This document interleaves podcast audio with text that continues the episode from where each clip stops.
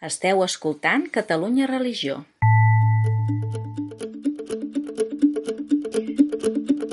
Som dijous 21 d'abril de 2022 i esteu escoltant la rebotiga de Catalunya Religió, aquest espai de tertúlia i comentari amb els periodistes que conformen la nostra redacció.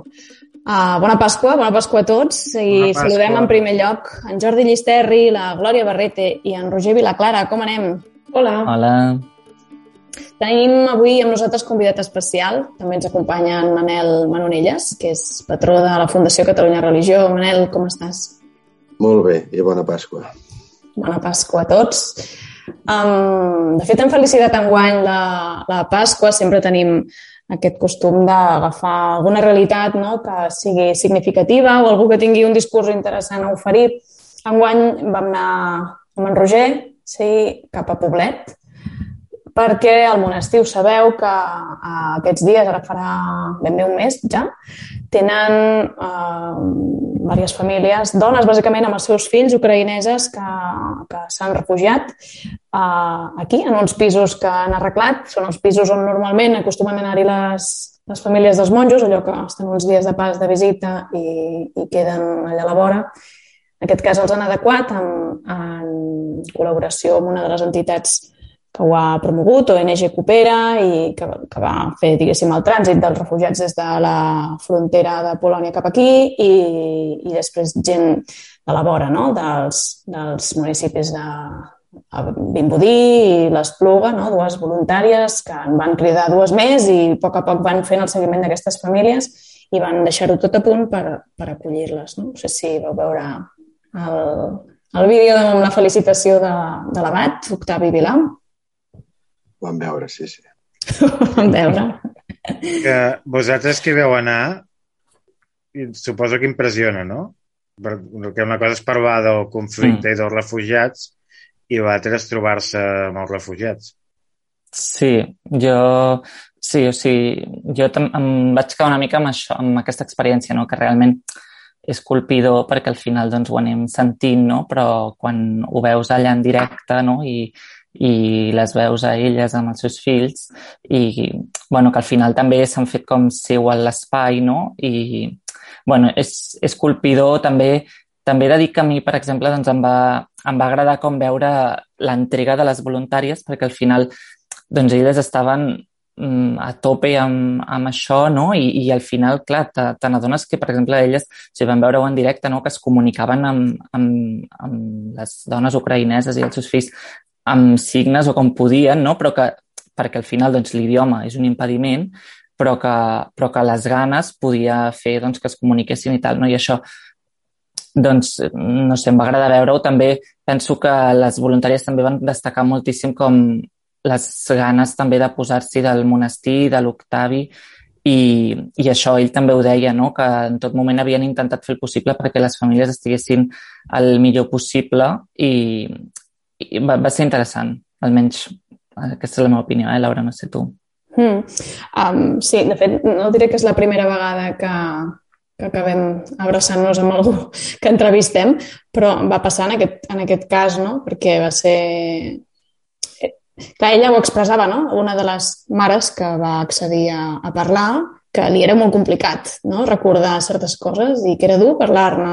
Vaja, és que, dir, que entenc que quan, quan has viscut determinades coses, el procés d'assimilar-ho, comprendre-ho i, i, i el relat mateix que puguis fer d'una variant, però demana molt de temps, no? I això encara és una ferida molt recent. De fet, a, a nivell de poblet ho tenien molt present que, que caldrà suport, no? més enllà de, del litúrgic, no? que ara és el que una, i el logístic, ara tenen a la casa, les famílies també van a, la, a vespres, no? deien que havien participat dels actes també de Setmana Santa i, i tot això ho vivien i, i ho deien, no? quan vam ser conscients, elles van ser conscients que havien aterrat a un monestir, perquè al principi es pensaven que anaven a Barcelona, van arribar de nit, i imagina't, tu lleves l'endemà i estàs allà penjat a Poblet, que tot i així tenien com un reforç positiu, no? de pensar que tenien Déu a la vora, perquè la, la, la qüestió de la fe era important per elles. No? Això em va cridar l'atenció i, i sí, sí, bueno, recollir una mica això, no? que,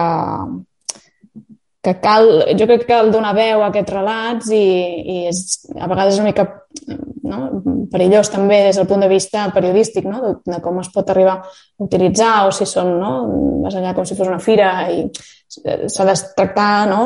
s'ha de tractar bé amb molt de respecte, però se'ls ha de poder donar veu. Si ho podem fer, doncs contents de fer-ho. Glòria. Mira, jo una de les coses que sempre hem parlat amb, amb els vídeos de Pasqua eh, era com traslladar, clar, periodísticament, què expliques que sigui rellevant dins la cultura cristiana catòlica d'aquest país, però sense perdre de vista doncs, l'actualitat. No? I jo crec que aquest vídeo d'aquest any quedava claríssim quan li intentes explicar a una persona que no, potser no té aquesta tradició com nosaltres, uh, perquè doncs, tots coneixem eh, la Setmana Santa com a vacances, tothom la té clara, però potser el, el relat de què estem celebrant doncs ja hi ha gent que hi ha generacions que ja l'han perdut. Doncs jo crec que en aquest vídeo quedava molt clar perquè agafes aquest vídeo i l'expliques a algú. És que la Pasqua és això, no? Del, del dolor, del silenci, de la guerra, que és una cosa en concreció que tenim a la vora. Uh, passes a la resurrecció, és a dir, doncs del foc a l'aigua la, o a la llum, aquests símbols que s'utilitzen molt en Pasques, doncs uh, queda molt clar amb el vídeo, no? I jo crec que també el relat del Parabat doncs, quedava claríssim que el fet religiós a casa nostra al final es concreta i que quan la gent t'explica que el misteri està encarnat en les persones, doncs és això. Ara concretem en això. L'any vinent serà una altra història i d'aquí a dos segles doncs, serà una altra història, no? Però tot aquest relat de fons doncs, trava molt bé el nostre discurs, que al final és que el fet religiós a casa nostra és vital que té moltes potes, que té moltes branques i que allà on surts al carrer doncs t'ho pots trobar. Jo crec que és un exemple, així que felicitats pel vídeo perquè estava molt bé i a més de plena actualitat. Gràcies, no, Glòria. Jordi. M'afegeixo a la felicitació. I dos, no, dues coses que ara pensava. Una, que l'exemple de Poblet és un exemple més d'acollida que hi ha hagut i de relació entre comunitats eh, catòliques i ortodoxes eh, que, que, hi, que hi havia a Catalunya, però ara amb el, amb el nombre que s'ha incrementat amb les comunitats dels, dels refugiats ucraïnesos, un exemple també d'aquests dies ha sigut a Montserrat, on la mateixa Vella de Pasqua també es va tenir molt present i van, i van també participar comunitats ucraïneses.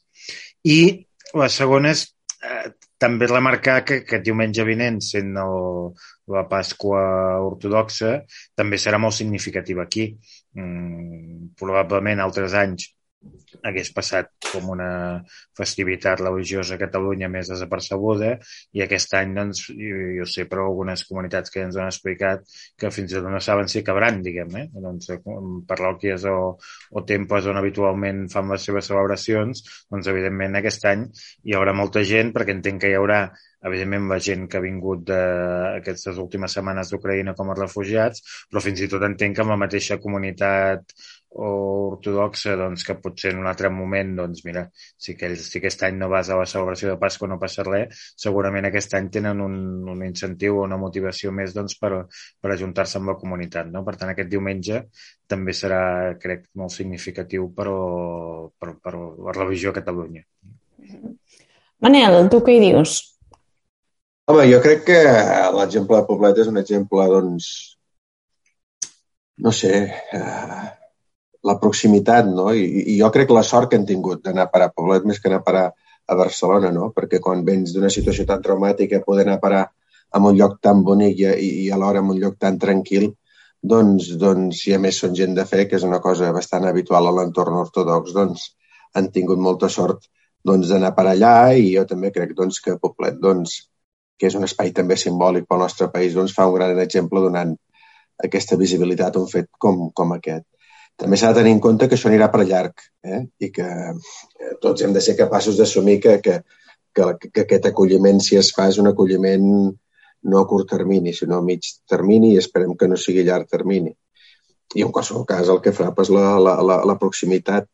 Jo perdoneu l'anècdota, però és que avui he anat a deixar els nens a escola i com que plovia amb cotxe i darrere meu era un cotxe matrícula d'Ucraïna on han baixat els nens i han, pujat, i han entrat a classe. No? Llavors, jo més, a l'escola, llavors m'he assabentat per aquest fet doncs, que a l'escola del meu fill doncs, també hi ha, en aquests moments hi ha uh, alumnes que segurament són refugiats, no? I, i això de veure una, una, una matrícula d'Ucraïna just al darrere del teu cotxe i nens que baixen i, i que entren a l'escola doncs, també impacten. No? Per tant, és veritat doncs, que coses que a vegades es veuen a una dimensió, diguem-ne, molt, molt llunyana, doncs, quan les tens al davant, doncs, ten, doncs agafen una, una perspectiva doncs, molt més propera i molt més personal. Perquè tu que coneixes la zona, eh, això que comentàvem ara, que són famílies amb una, amb una diguem, vivència religiosa molt més fonda, eh, això és, és així? O sigui, quan això és molt, allà... és molt comú. És molt comú a Ucraïna, a Bielorússia. Al món ortodox, el pes de l'Església és molt, és, és, és molt contundent i en tota la societat i, a més, és una vivència, diguem-ne, molt espiritualista de la, i, i, i molt ritual. Per tant, tu pots anar per un centre de Moscou o pots anar pel centre de Sant Petersburg, per posar un exemple, eh? i si no pel centre de Kiev, i quan passes, passes per davant d'una església o d'un monestir i hi ha un petit icona penjada damunt de la porta, hi ha gent que es para i es senya tres o quatre vegades i continua caminant. No? Per tant, són societats on, on aquesta dimensió religiosa i espiritual doncs, té, té, un, té un gran valor i té una gran importància. No? Curiosament que són societats que han estat durant 70 anys sota un règim, diguem-ne, comunista, però que la religiositat no ha desaparegut, més aviat al contrari.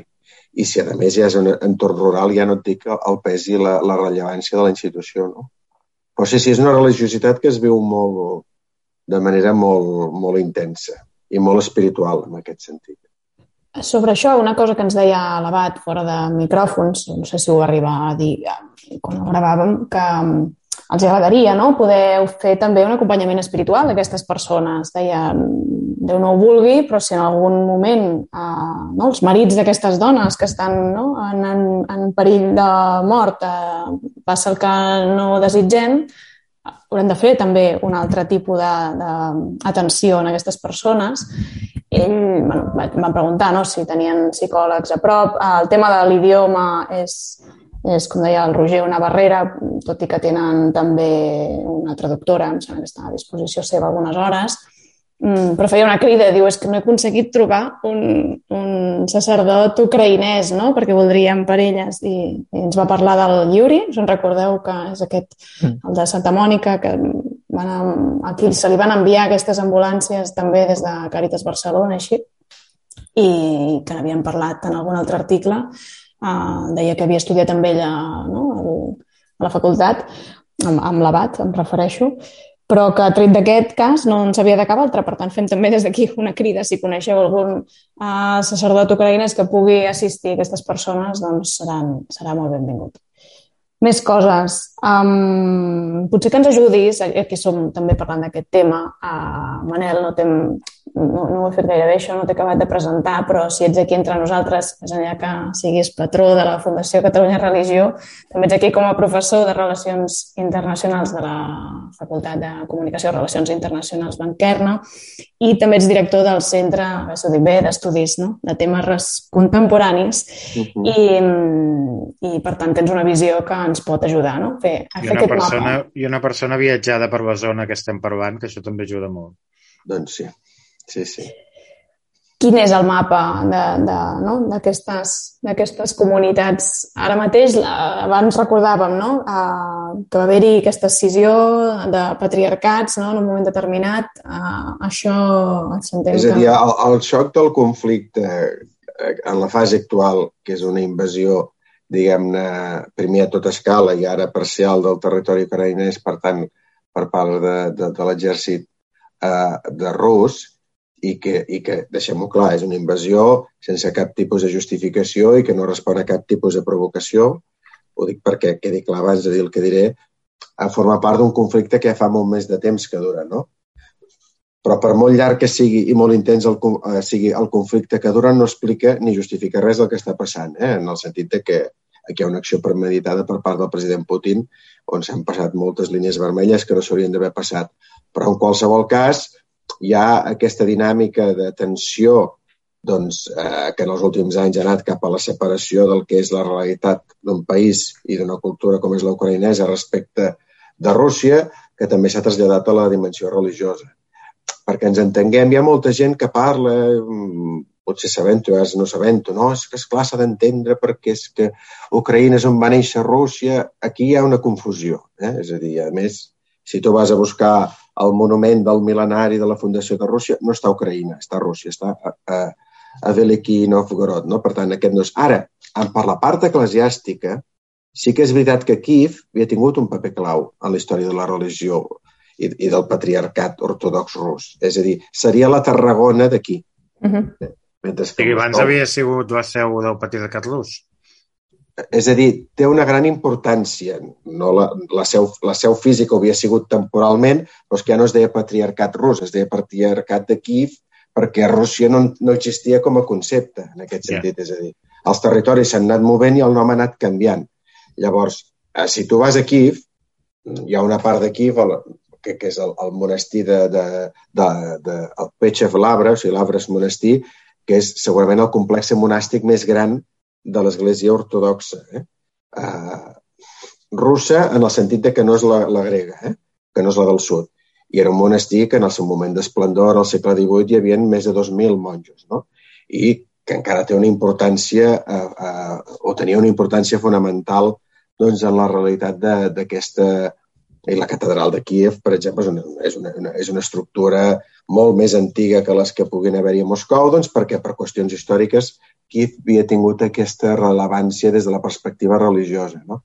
En aquests darrers anys on s'ha anat consumant la progressiva separació o l'increment de la tensió entre Ucraïna i Rússia i on la societat ucraïnesa doncs, ha pogut anar consolidant la seva voluntat doncs, de fer un cert viratge, un cert aproximació doncs, cap a Europa en els mateixos moments que el lideratge rus ha decidit fer una certa separació d'Europa, això es va plasmar també amb un cisma dins de l'Església Ortodoxa russa. És a dir, en aquests darrers temps, i estem parlant d'uns segles, doncs Kiev doncs, eh, formava part del gran patriarcat de Moscou i a través doncs, de les divisions que han hagut socials i polítiques Tinguem en compte que en aquests països la relació entre l'Església i l'Estat és molt més intensa que la que tenim aquí. Vull dir, recorda molt més amb unes realitats diferents a la que havíem tingut nosaltres fa unes quantes dècades o fins i tot fa, fa un segle. No? Per tant, els canvis polítics tenen també una afectació important sobre com s'organitza eh, la institució allà. Llavors, hi va haver aquest cisma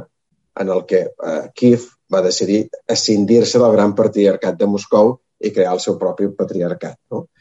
Això va provocar una gran crisi dins de l'Església Ortodoxa, eh, de manera que, per exemple, Kiev va demanar el que seria el màxim exponent o el màxim líder de l'Església Ortodoxa, que és el gran patriarca de Constantinople, que és una figura, doncs, diguem-ne, d'alt nivell, però que després el pobre, diguem-ne, de, de fidels directes en té molt pocs, no? Però dins de l'estructura de l'Església Ortodoxa, el més semblant a un papa, que no n'hi ha, seria el, el, el gran patriarca de Constantinople, doncs el gran patriarca de Constantinople va acceptar aquest, aquest cisma, cosa que va fer doncs, que, que, que Moscou s'ho prengués molt malament, i en canvi el gran patriarcat de Moscou va demanar directament a la Santa Seu, que no tindria res a veure perquè no és ortodoxa, que no reconegués aquest cisma, eh?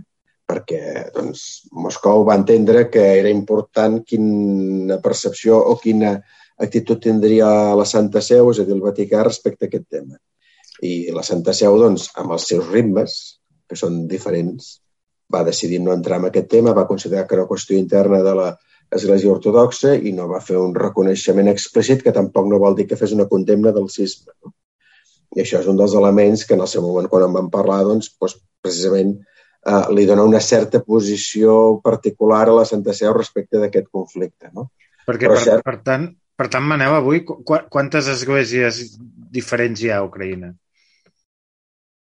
A veure, a Ucraïna hi ha, per una banda, la part més tocant a Polònia, que històricament és Polònia, on la majoria és catòlica. És a dir, la famosa ciutat de Lviv, que tothom en parla, és una ciutat eminentment catòlica. I són catòlics llatins? O, o... Catòlics llatins polonesos, és a dir, haurien de ser sí, polonesos. És com a dir, és... diguem, externament veuríem el mateix que veiem aquí. Exactament, una miqueta més avancient manera, diguem, allò ratllant el concili Vaticà II. Però a veure, jo me'ls havia trobat, quan jo havia estat al moment a la universitat estudiants cristians i anava a les trobades europees, no només tenies catòlics, mm, joves de moviments catòlics, diguem-ne, polonesos, tenies joves catòlics eh, ucraïnesos, i tots venien del BIF. Tots deien que eren polacs, que per qüestions històriques, després de la Segona Guerra Mundial, la, la frontera els havia caigut al costat que no els hi tocava. No? Per tant, hi ha tota aquesta franja, diguem-ne, de frontera amb, amb, amb Rússia, que és catòlica, i catòlica de ritus oriental. Després hi ha l'Església Ortodoxa principal, que actualment és la que està encardinada dins del patriarcat de, de Kiev, i després hi haurà, doncs, eh, s'hauria de veure el Donbass i aquestes zones, doncs, Església Ortodoxa Ucraïnesa, però que no ha reconegut aquest nou, diguem-ne, eh, patriarcat, i eh, canvis que s'estan donant ara doncs, de, de gent que fins ara no havia reconegut el nou patriarcat, però que en el nou context de la guerra i de la invasió russa han decidit que són ucraïnesos, que és el que està passant. O sigui, uh -huh. hi ha una gran part de la població rusoparlant ucraïnesos que a partir del moment de la invasió i els han obligat a definir-se si eren ucraïnesos o prorussos, al veure el seu país envaït i al veure les seves ciutats bombardejades, doncs han optat l'opció ucraïnesa. No? I ho han fet des d'un punt de vista polític, d'un punt de vista nacional i també d'un punt de vista religiós. No? I entremig, dins d'aquesta realitat, perquè Ucraïna és un país particular, concepció geogràfica, doncs també hi haurà petites minories d'església catòlica, diguem-ne, eh, de ritus oriental, i després altres també presències protestants, etc etc, sobretot a la part més de l'antiga Galícia, també de, més descendència germànica, etc. No? però diguem-ne, l'eix central és, és l'Església ortodoxa, antigament formaven part de la russa i que ara és l'ucraïnesa, però també hi ha unes realitats importants. Eh? Vull dir, la, la població catòlica al, a la frontera amb Polònia, diguem-ne, a la part occidental del país és majoritària. No, no són una minoria. Llavors, a la resta no. En aquestes setmanes, ara que deies també no, aquesta, descrivies aquesta unió o proximitat entre el món polític i, i l'eclesial. Um, hi ha hagut canvis, creus que, de, de posicionament per part del, del patriarca de Moscou uh, respecte a veure, el, el que està passant és que conforme es va aprofundint el, el conflicte, doncs hi ha més pressions, uh, i, no, i no dic només polítiques, eh, sinó també ambientals, doncs perquè l'Església del país es posicioni el més propera als, als, com es diu, als objectius del país. Llavors, si les primeres dies, setmanes, el patriarcat, diguem-ne, de, de Moscou doncs, eh, aparentava una certa neutralitat eh, i, i feia un joc molt clar d'intentar doncs, eh, que eh, establir ponts eh, amb la Santa Seu i establir un diàleg, que jo crec que encara hi és, doncs darrerament també veiem doncs, que hi ha un, un increment de, de, de posicionaments més, més radicals, no? els típics més discursos castrenses. No? L'alta jerarquia russa doncs, acusa la, els, ucraïns, els ucranians de ser els diables i l'alta jerarquia ucraniana doncs, veu el diable en, en el costat rus. No? Per tant, clar, conforme el conflicte s'aprofundeix conforme les víctimes van apareixent, conforme el dolor és més profund, doncs això també surt.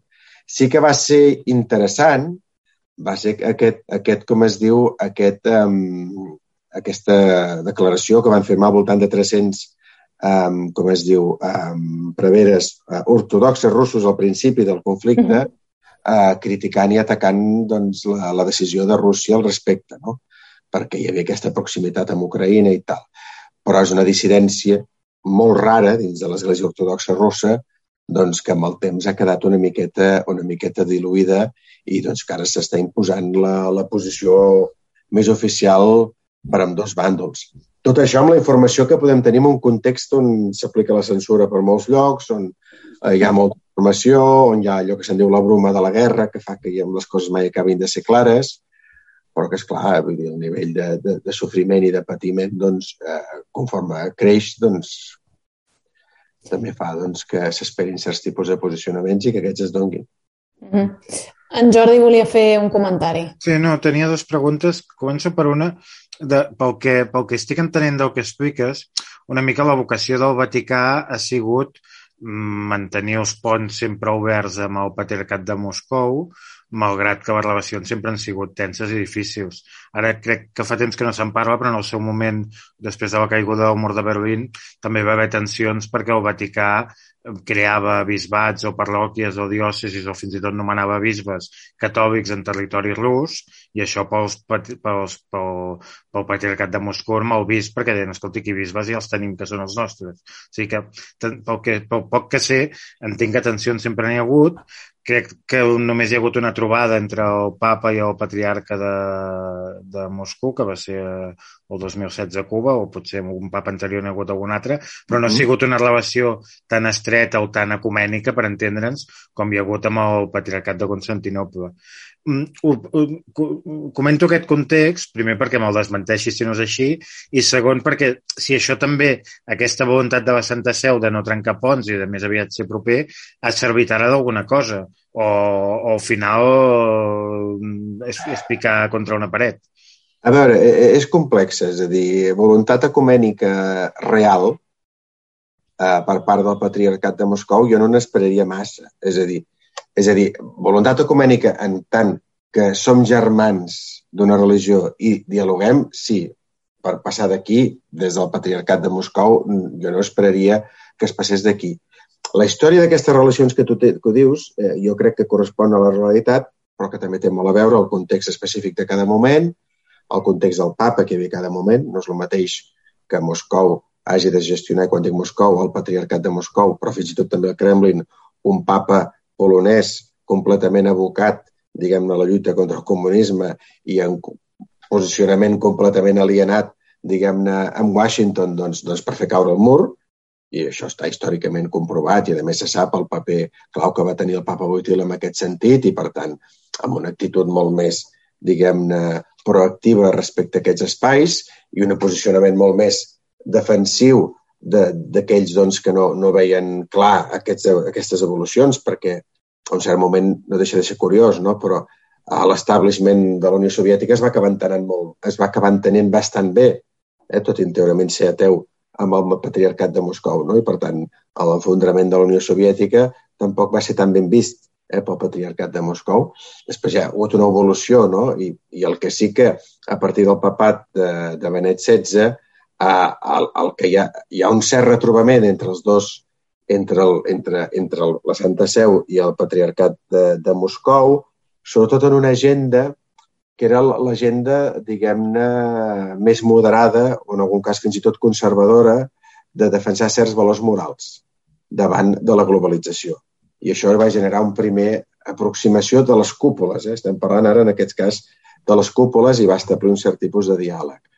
A partir d'aquí, és cert que l'actitud de la Santa Seu de no entrar en la discussió entre Kiev i Moscou doncs, eh, va tenir un valor i és un valor que va ser molt ben reconegut eh, des de Moscou, però que va acompanyat també amb altres aspectes. No? I aquests aspectes és el treball conjunt que hi ha hagut entre els dos, entre el Patriarcat de Moscou i la Santa Seu, respecte a una preocupació central que és el que són les minories cristianes a Orient Mitjà eh, que estan en una situació extremadament complexa i particularment en el cas de Síria. Llavors, aquí va haver un treball molt conjunt eh, intentant doncs, doncs, de protegir aquesta realitat en un context doncs, on, on cada vegada és més difícil ser cristià. No?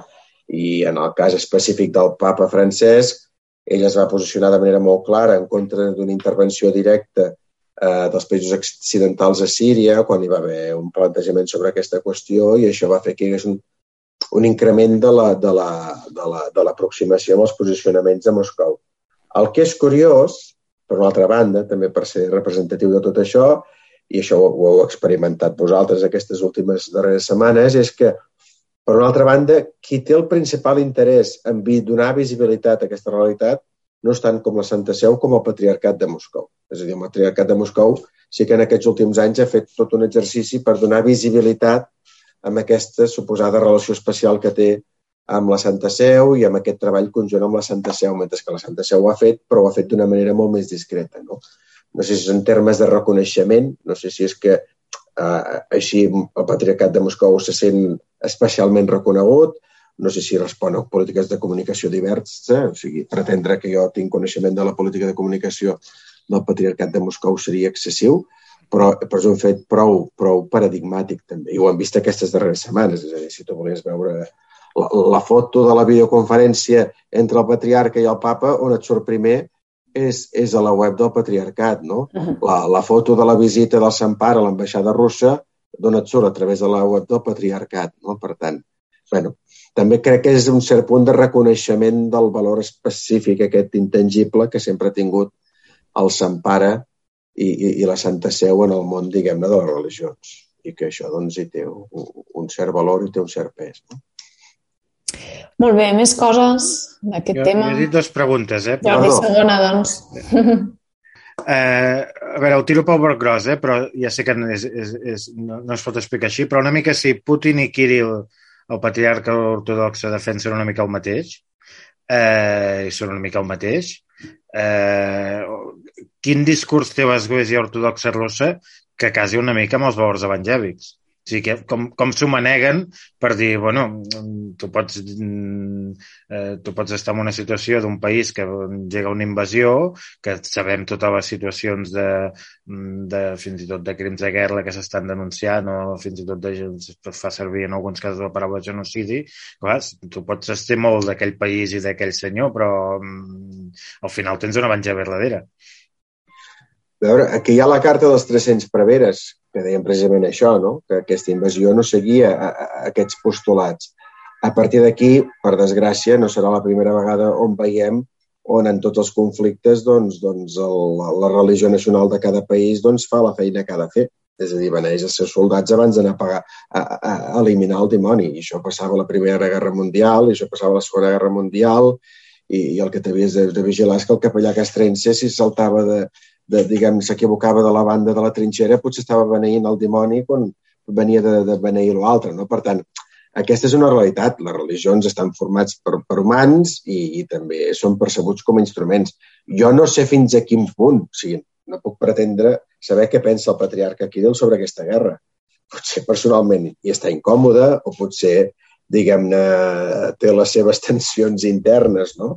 Sabem que hi ha una part de la societat russa, fins i tot de l'elit més propera a Putin, que no veu gens clar què està passant, entre moltes coses perquè estan perdent la guerra i perquè no els estan anant les coses com ells esperaven.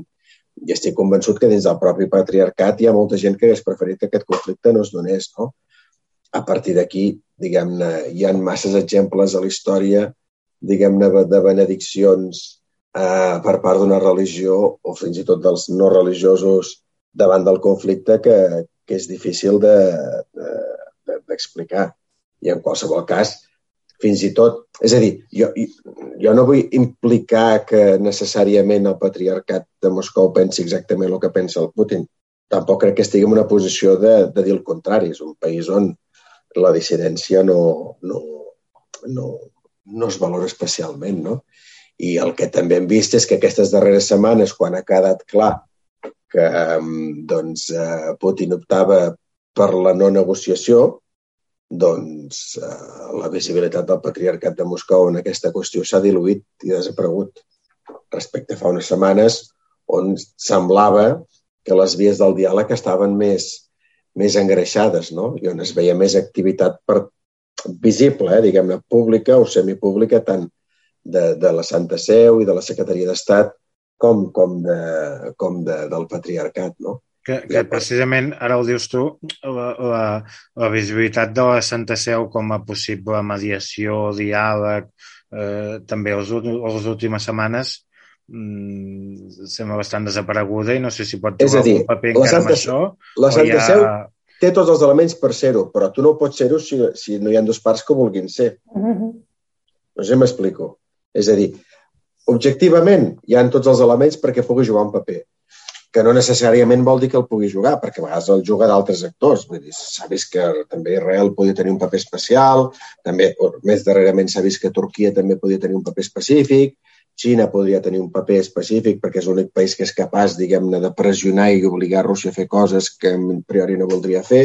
De moment, Xina ha optat per no fer aquest paper i, per tant, eh, està clar que per molt que estiguis predisputat i que tinguis els mecanismes, si una de les parts no vol, doncs no hi ha negociació. Ara, el que no sabem és el que està passant en el que no és públic.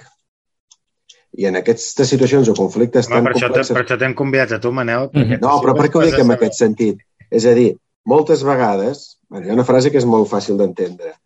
Uh, els generals els hi donen medalles quan guanyen batalles. No hi ha cap general que tingui una medalla per haver evitat una batalla. Llavors, en temes de negociació i de mediació, normalment, és a dir, sí, de tant en tant algú li dona un Premi Nobel o algú de pau i tal, però eh, eh, és molt complex i, i, i tu pots haver esmerçat ingents esforços intentant de gestionar trobades, negociacions, eh, telefonades, contactes i que això no se'n vagi, que, que vagi a Norris, no? Però, per exemple, eh, un tema tan petit, o, però tan rellevant alhora, és a dir, fa un parell de dies, doncs, eh, des del propi exèrcit ucraïnès es demanava al papa doncs, que intercedís doncs, per, per obrir un corredor humanitari a Mariupol. Mm. No? I coincidia doncs, que eren més o menys els mateixos dies on l'alcalde aquell, de, no de Mariupol, sinó de Melitopol, que és un poc una ciutat que està a uns 50-100 quilòmetres de Mariupol, aquell que havien segrestat, tal, tal, estava a Roma i també demanava l'ajuda al Sant Pare doncs, per això, per fer un corredor, per intentar de treure el màxim de gent d'allà abans de l'ofensiva final de l'exèrcit rus. No? bueno, doncs, ha acabat havent-hi un petit eh, corredor ahir entre ahir i avui, que ha acabat traient menys gent. Això és fruit de les gestions de la Santa Seu? Doncs no ho sabem i segurament no ho sabrem mai. Qui pot haver tingut un paper? També. Que, que ha sigut més petit del que s'esperava perquè només ha sigut per quedar una mica bé de... És, és extremadament complex i en el context actual és molt difícil de saber-ho, diguem-ne.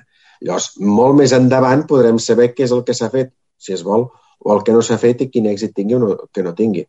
Però s'ha de partir de la base de que, de que el paper de mediació i de negociació, el 80 o 90% dels casos, està condemnat al fracàs, no?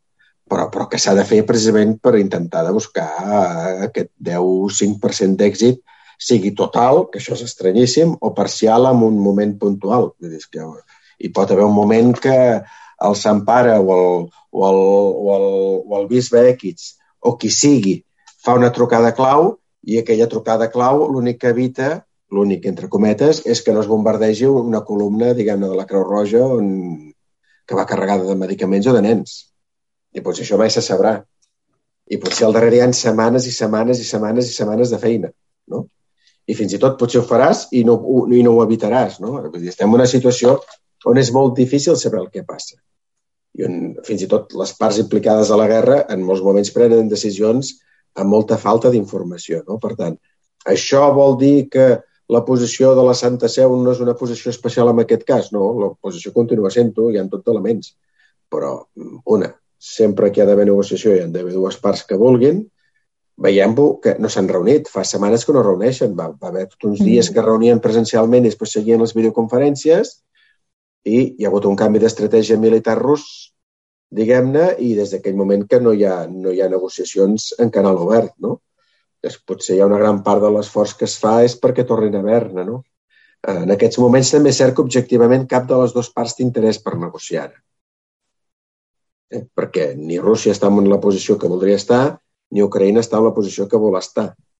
Per tant, fins que no estiguin en una posició d'avantatge, l'interès per la negociació és menor. No? A l'inici del conflicte, quan tu et trobes en una situació que no t'esperes, quan tu et trobes molt més desbordat, doncs, doncs per Ucraïna tenia un cert sentit eh, negociar. Que sap greu dir-ho, no? perquè mentrestant estàs dient això, oh, és que no té interès per negociar, però cada dia hi ha morts, no? Vull dir, és molt complicat, no? Però, mm -hmm. però clar, si ara Ucraïna, en la situació actual, aixeca els braços i ho negociem, negociem, doncs clar, doncs, precisament Rússia no està en el seu millor lloc. I Rússia en aquests moments la seva principal desesperació és demostrar al món que no és tan dèbil com sembla.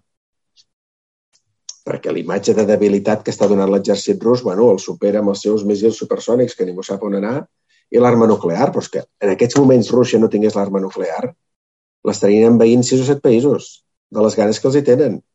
Geòrgia s'estaria envaint, eh, eh, eh Azerbaijan estaria envaint, eh, com es diu, eh, Armènia, que és un país que en teoria està protegit per Rússia pel tema del Nagorno-Karabakh, potser els bàltics s'hi tornaven, potser els polonesos... O sigui, l'únic en aquests moments protegeix a Rússia és que hi ha una arma nuclear i que hi ha un senyor al davant que té l'aparença d'estar tan boig que seria capaç de fer-la servir, no?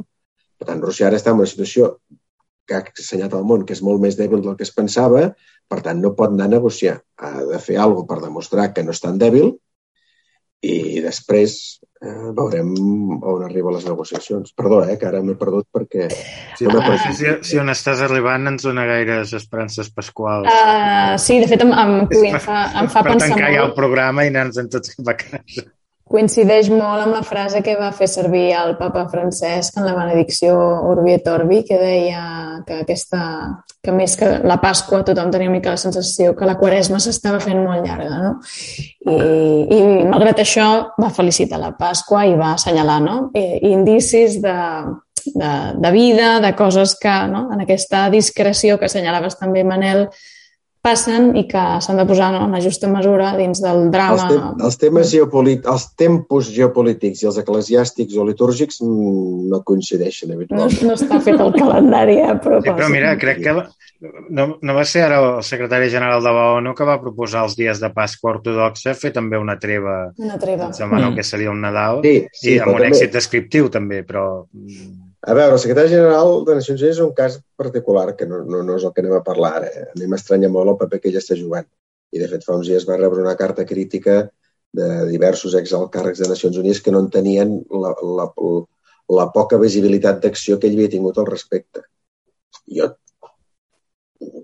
no hi entrem en anècdotes, però jo conec, l'he tractat amb aquest senyor en diverses ocasions i m'estranya doncs, que no, no tingui un posicionament més clar, potser ho està fent per altres canals, també estarà molt lligat de mans i peus perquè un dels actors és un dels eh, cinc països permanents de, de Nacions Unides, però vull dir, est estranya el poc paper que Nacions Unides està tenint en aquest conflicte i, i bé, tampoc li demana a ningú, és a dir, no he vist ningú demanant que tingués un paper i en canvi el Zelensky està tot el sant dia dient al papa que vagi a visitar Kíev, no? I el papa ja ha dit que ell està disposat a anar-hi sempre tu veus o això... no? Què? Ho veus com a possibilitat o no? Bueno, però és que l'important és la segona part del que diu el papa. Diu que um, diu si ajuda a solventar el conflicte. És El papa diu, jo aniré a Kiev, Kiev, perdó, si això ajuda a solventar el conflicte. És a dir, jo faré el que faci falta, però el que no faré, paraules s'entén, és anar a recolzar un costat si això no ha de solventar el conflicte, diguem-ne. Encara que ell doncs, pugui tenir més simpatia pels ucraïnesos en aquests moments, el paper del papa no és tant com el de certes institucions europees de donar suport a un costat. El paper del papa és d'intentar trobar una solució al conflicte i de, i, de, i, de, i de disminuir al màxim el sofriment humanitari que comporta aquest conflicte, que a més tinguem en compte que s'extén a tot el món, amb increments brutals de preus, de, i, i, que la FAO fa quatre dies va anunciar de que mm, estem parlant en qüestió de, de mesos 200, entre, entre 150 i 250 milions de persones que tornaran a estar en una situació, diguem-ne, de, de fam, no? A, a, arrel de, doncs, doncs, de l'increment dels preus de matèries primes, del gra, de l'escassetat de gra, de l'increment del preu del petroli, causat per aquest conflicte. Vull dir, és un conflicte que té un impacte brutal en la vida dels ucraïnesos que es troben eh, involucrats en aquest conflicte, que té un impacte brutal també en gran part de la societat russa. Jo he perdut el compte perquè ningú en parla, però les prim només les primeres setmanes hi havia hagut més de 15.000 detinguts en manifestacions a favor o en contra de la guerra, no? Uh, I anar-se a manifestar a Rússia en aquests moments mm, És de, de tenir, ser valent, és de ser valent. s'ha de tenir molt valor, no? I al mateix Mhm. temps, diguem-ne, uh, l'impacte que està tenint uh, diguem-ne, a molts països d'Àfrica i a d'altres, doncs uh, aquest conflicte és especialment greu, no? Per tant, la Santa Seu també és conscient no només del que passa a Ucraïna, sinó del que passa a la resta del món i del que pot passar en els propers, propers mesos si el conflicte continua. D'acord. A- a- Glòria, volies fer un comentari? Sí, no, només per tancar, perquè jo crec que també era l'enllaç que donava peu a, al Manel, era quan ha dit això del papa, no? Diu, no vinc a fer, diríem, la foto perquè no té cap mena de sentit. I he recordat eh, molt ràpid quan li vaig preguntar al cardenal de Rabat, Cristóbal López, li vaig dir, clar, quin paper juga aquí el, pa el papa, no?, amb Ucraïna, Rússia, i va dir, el papa eh, està per la pau, no està per una banda o per una altra i de vegades correm el risc, inclús nosaltres, no? Evidentment, és un, és un atac i aquí s'obre un ventall ètic molt gran de dir, al final t'has de defensar, però de què estem parlant? Eh, tant una banda com una altra, doncs eh, està en conflicte. I, I jo crec que perdem de vegades de vista és això, eh, pel que hem de treballar tots, però sobretot doncs, la gent, els agents com el papa i el que ha explicat el Manel és això, eh, ha de funcionar cap a la pau. És molt complex i molt complicat i ha estat un goig eh, escoltar el Manel perquè te n'adones que no sabem res, eh? Realment. Sí, sí, sí. Una dosi de realisme. Ah, de, de fet, d'aquest tema, faig un, un apunt final molt ràpid, de, del tema aquest del debat ètic que es pot generar a partir de, del, no, de la cursa armamentística de com no, s'ha de dotar d'armament sí o no a l'exèrcit ucraïnès, quina ha de ser la resposta dels estats. Uh, vam parlar en el podcast Licuesa, el podcast que porta per títol Indefugibles. Recupereu-lo perquè l'hem publicat a la web i n'hem fet uh, referència amb aquest titular no? de si era legítima la resposta armada davant la invasió d'Ucraïna. Um, potser, si us sembla, podríem tancar aquest podcast fent una ullada ràpida als articles més llegits, sí? Uh, Roger? No, permet, només, molt, molt breument, només una cosa. Tu no marxis, Manel, no marxis encara. No, 15 segons només. No, no, només una cosa. El papa fa i diu el, i fa i diu el que ha de dir, eh, amb el que he dit. Ara, això no desmarca el fet que hi ha un agressor i un agredit. Oh, evidentment, evidentment. Eh? No, ho dic perquè el papa és que és el que ha de fer, només faltaria sí. i, i tenim sort de tenir el papa que tenim. Eh? Uh, però, però tampoc, perquè a vegades jo entenc certs discurs, jo m'he passat molts anys promovent la cultura de la pau i ho continuaré fent, però també estem davant d'una situació on hi ha un agressor i un agredit. I això també té, té molt a veure a com s'està... Clar, clar, els nivells no són els mateixos, però per això dic que correm el risc. Les persones normals imagino que quan a sobre ets a un cap d'estat, però a més un cap doncs, de l'Església Catòlica, com és el papa, doncs encara amb més motiu no has d'oblidar que no et pots posicionar, perquè clar, ah, no, no, part també... No, és que el Sant Pare és que ho ha de fer, el, ha, de, ha de fer aquest, és que és, és el seu paper, ja. és el paper evangèlic. El, però... Els gestos que ha fet el papa, la gent que ha rebut, els discursos que ha fet... Està clar, jo està clar. És, sí. és, és, és això, no ho, diem, no ho diem però ho fem, no? Sí, sí, de, sí. de que hi ha un agressor i un agredit i, i, quan, sí. i es posa al costat dels que estan patint l'agressió. Efectiva. Efectivament, i al mateix temps, ho diu, diu, jo vaig a, faré el que sigui si ha de resoldre, sí, sí. ajudar a resoldre el conflicte. El que no faré és fer coses que, que, que no ajudin a resoldre el conflicte. És que potser el que està dient és que a mi m'agradaria fer-ho, però el meu Clar. paper com a, com a sant pare com a papa és ajudar a resoldre el conflicte.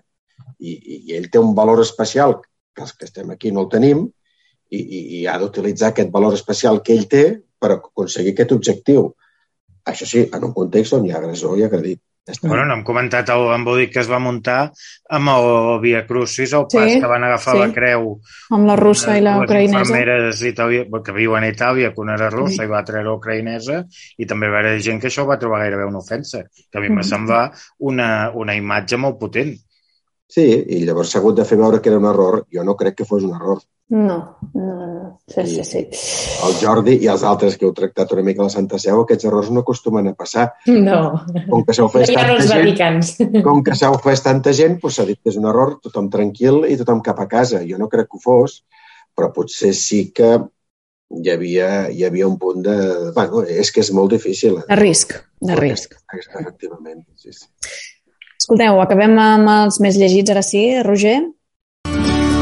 Doncs sí, aquesta setmana, en primer lloc, el més llegit, i tenim l'article que comentàvem a l'inici del podcast sobre les refugiades ucraïneses que estan acollides al monestir de Poblet. En segon lloc, i tenim l'article que un dels articles de la sèrie de cuina de Setmana Santa que vam publicar per aquesta Setmana Santa. Eh, en tercer lloc, hi tenim un article d'opinió de, que es titula de traficant de drogues a mossèn, un signe de Pasqua, en quart lloc, tenim la notícia sobre que el papa Francesc ha anomenat dos nous missioners de la Misericòrdia a Tarragona i en cinquè lloc hi tenim l'article que parlava ara la Laura també doncs, del podcast de l'IQS sobre la legítima, si és legítima o no la resposta armada davant la invasió d'Ucraïna. Molt bé. El tema del mossèn aquest no comentarem, no? No. Que fem una crida que qui vulgui se'l llegeixi, de fet va sortir. No? Pensava dir quina crida vols fer. Sempre, sempre cap a la pau i cap als signes de Pasqua. Glòria. No, i, I la conversió, doncs, queda clar que hi ha millor. Sempre és sempre, millor. Sempre millor.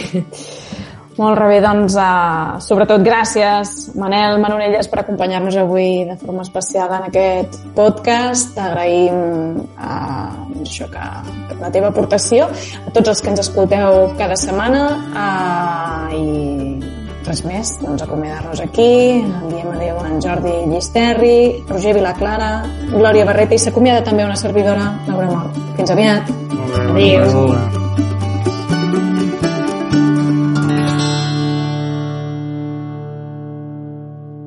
Catalunya Religió.